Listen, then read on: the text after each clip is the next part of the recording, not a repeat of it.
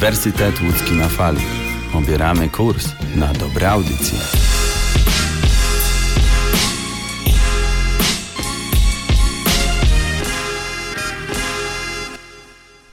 Cześć, dzień dobry. To Uniwersytet Łódzki na Fali w wydaniu specjalnym. Po tej stronie mikrofonu Eliza Matusiak, a po drugiej Aleksandra Kulesza i Gabriela Szkup z Biura Współpracy z Zagranicą Uniwersytetu Łódzkiego. Dzień dobry.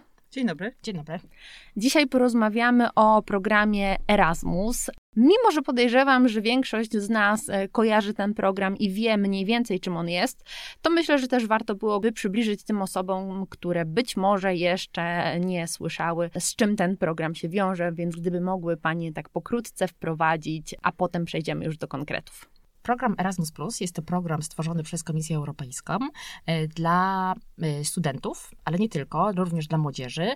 On ma na celu wspierać studentów, młodzież e, oraz w zakresie sportu. E, I nasza uczelnia aplikowała o fundusze, aby dać studentom szansę wyjazdu. Studenci mogą wyjechać na częściowy okres studiów, czyli na semestr, e, bądź też na rok, bądź też mogą ubiegać się o wyjazd na praktyki. Praktyki bardziej zawodowe i to już student musiałby znaleźć sobie instytucję, w której chciałby praktyki zrealizować e, z dofinansowaniem, czyli z, ze stypendium z funduszy Unii Europejskiej, czyli z programu Erasmus.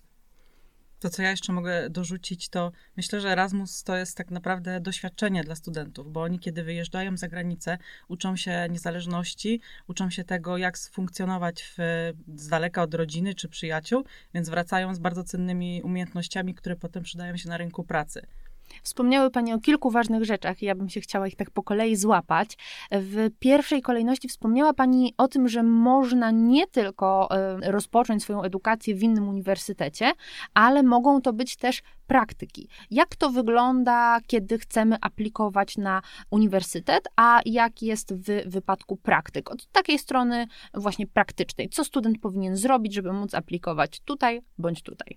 W przypadku, gdy student jest zainteresowany wyjazdem na studia, czyli odbyciem częściowego okresu studiów w uczelni partnerskiej, e, właśnie rozpoczęła się rekrutacja i ona trwa od 13 lutego do 2 marca i to jest pierwszy etap. Polega on na tym, że student musi złożyć wniosek w W tym wniosku musi uargumentować opisać, dlaczego chciałby wyjechać e, i wskazać w tym wniosku e, uczelnie partnerskie, do których w których chciałby spędzić właśnie jeden semestr, albo semestr zimowy, albo semestr letni przyszłego roku akademickiego, aby studiować.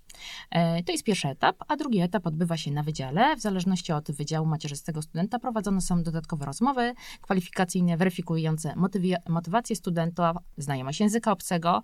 W takiej luźnej rozmowie z, z koordynatorem wydziałowym student przedstawia, dlaczego chciałby do danej uczelni pojechać, aby realizować y, częściowy okres studiów. E, w przypadku wyjazdu na praktykę ścieżka aplikowania jest nieco inna. Student musi samodzielnie znaleźć instytucję, w której chciałby zrealizować te praktyki.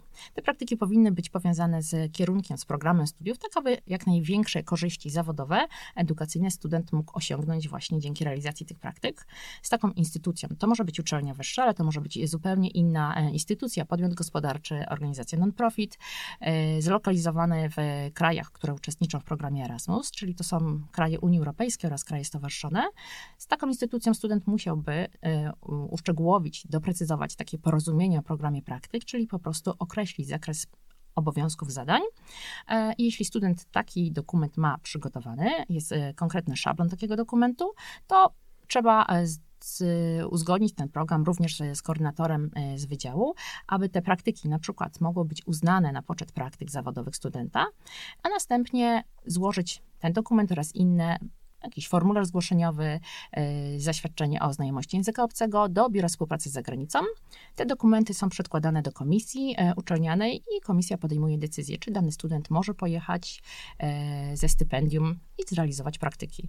Takie praktyki są niezwykle cennym zawodowym doświadczeniem, nie tylko dla studentów, ale także dla osób, które teraz kończą, w tym roku kończą studia i mogłyby skorzystać z takiej opcji po obronie, czyli jako absolwent. Warunek jest taki, że muszą aplikować, będąc na ostatnim roku studiów, a swoje doświadczenie, te praktyki mogą odbyć y, już po obronie. Czyli to jest dobra informacja także dla tych osób, które mogły się obawiać, że piąty rok to już trochę za późno na wyjazd z tego programu. Tu, tutaj jednak możemy gdzieś pojechać. Właśnie, gdzie możemy pojechać? Mówiła Pani o uczelniach partnerskich, natomiast czy to jest kwestia konkretnej współpracy z Uniwersytetem Łódzkim, czy może to są po prostu kraje Unii Europejskiej, do których możemy wyjechać? Założenie programu są takie, że każda uczelnia podpisuje umowy o współpracy z poszczególnymi uniwersytetami, które są zlokalizowane w konkretnych krajach.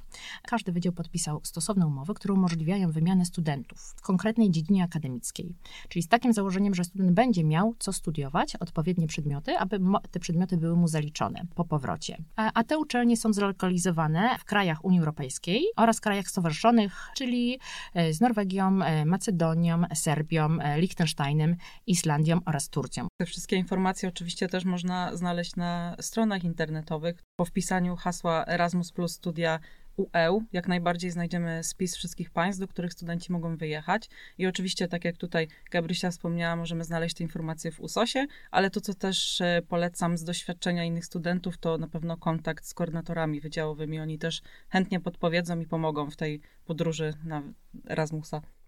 A co do kierunków studiów? Przedmioty, domyślam się, że właśnie muszą być zaliczone, jak pani wspomniała, ale czy one muszą być stricte wpisane w program studiów, który my realizujemy w trakcie studiów w naszej uczelni, czy to mogą być jakieś przedmioty, które nas interesują, a niekoniecznie realizowane są także w Łodzi, a chcielibyśmy spróbować swoich sił?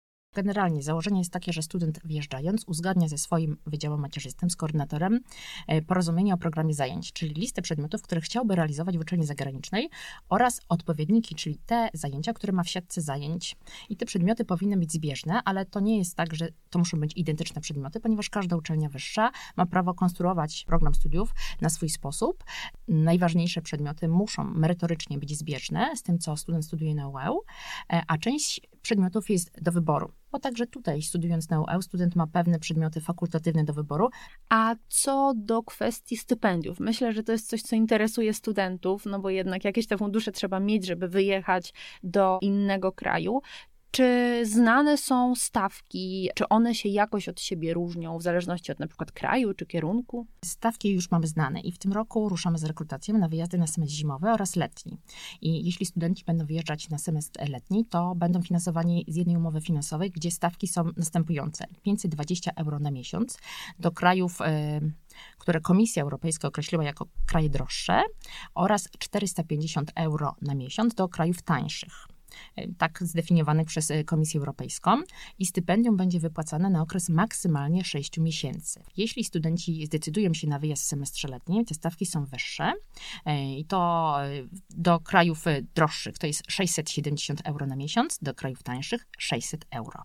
I tutaj zostawiamy tą decyzję wyboru w którym semestrze student chciałby wyjechać, studentowi. E, ponadto studenci, którzy znajdują się w trudnej sytuacji materialnej, e, dostają jeszcze e, dodatek w wysokości 250 euro na miesiąc poza tym podstawowym stypendium. Jeśli są studenci z, z, niepełnosprawnością i ten dodatek w wysokości 250 euro byłby niewystarczający, żeby móc funkcjonować i studiować w uczelni zagranicznej, to studenci mogą wnioskować o dodatkowe wsparcie Tutaj jeszcze myślę, warto dodać o stypendium Santandera. Jest to nowość. 20 osób z Uniwersytetu Łódzkiego będzie miało szansę otrzymać stypendium w wysokości 2500 zł. No, myślę, że taka kwota zdecydowanie też poprawi ten komfort y, życia na, na wymianie, więc w przypadku tych może różnic w budżecie na semestr zimowy czy letni, takie stypendium mogłoby trochę wyrównać te różnice. To stypendium e, jest e, do przeznaczenia na konkretne wydatki. Musimy się jakoś z tego rozliczyć, czy po prostu opłacamy sobie jakieś tam lokum, e, swoje atrakcje, które wybierzemy. Jak to wygląda od strony formalnej? To jest kwota ryczałtowa, czyli Uniwersytet Łódzki nie sprawdza, nie prosi studentów o okazanie się rachunkami, czyli student we własnym zakresie decyduje, na jakie wydatki chce te stypendium przeznaczyć. Wysokość stypendium finalna wyliczona jest na podstawie potwierdzenia pobytu, które wystawia na koniec uczenie zagraniczne.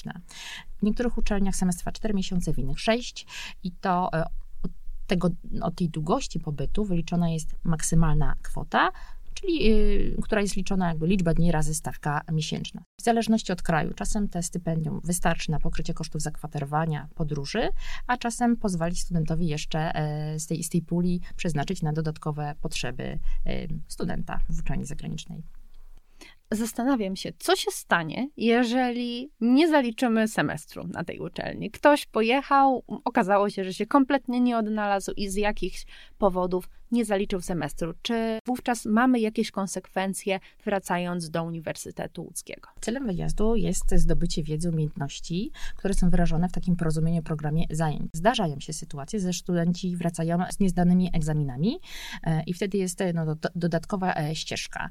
E, jeśli student zdobędzie mniej niż 18 punktów ECTS, jest proszony o wyjaśnienie e, oraz wnioskowanie o prawo do zachowania stypendium, student musi e, uczciwie wyjaśnić, uargumentować, co się zdarzyło na wymianie, czemu nie udało mu się e, zdać tych egzaminów. I taka postawa służąca, mająca na celu wyjaśnienie, jest bardzo pomocna.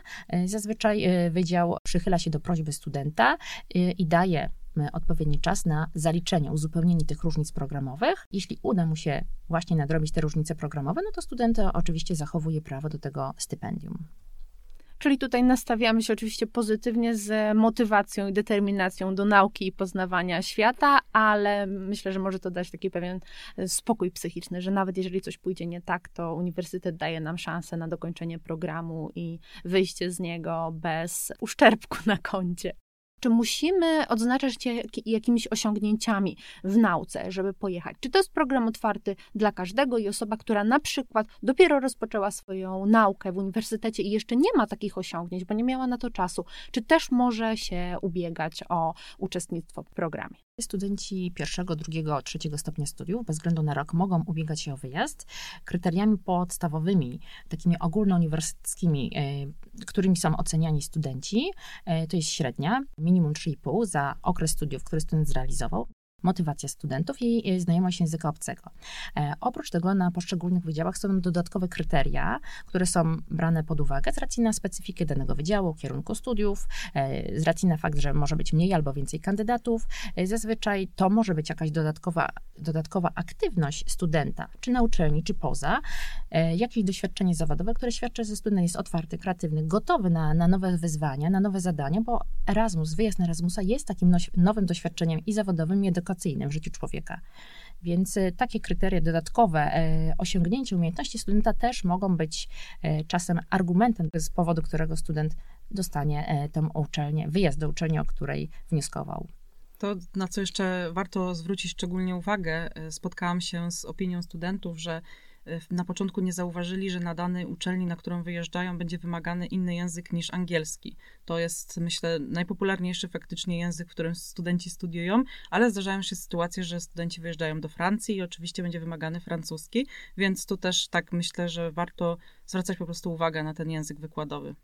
Studenci powinni sprawdzić na stronach e, internetowych uczelni zagranicznych, jakie są wymagania uczelni przyjmującej, bo nasza uczelnia dokonuje e, procesu jakby rekrutacji, a finalnie decyzję o akceptacji studencia, e, studenta na mobilność podejmuje uczelnia przyjmująca, czyli uczelnia może poprosić studenta i tak to się dzieje, aby student Mm, złożył dokumenty później aplikacyjne, e, w tym także okazał się na przykład znajomością języka obcego. I czasem jest to wymagany certyfikat międzynarodowy, a czasem zaświadczenie na przykład od lektora.